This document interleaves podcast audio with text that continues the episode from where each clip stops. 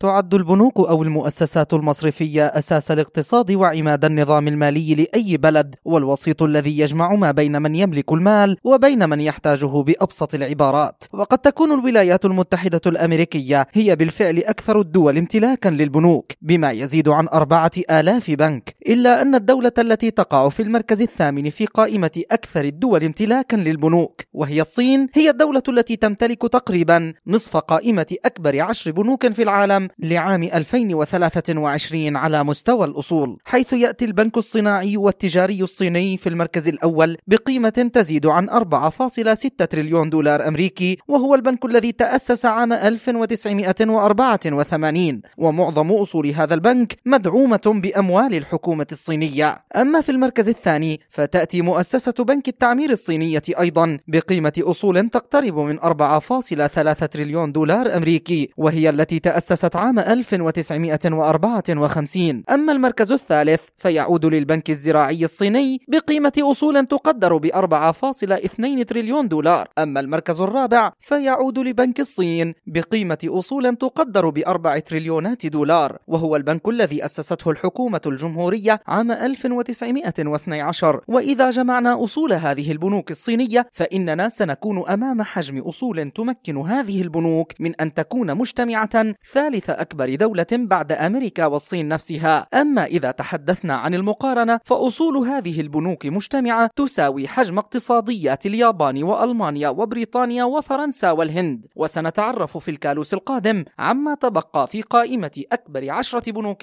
في العالم.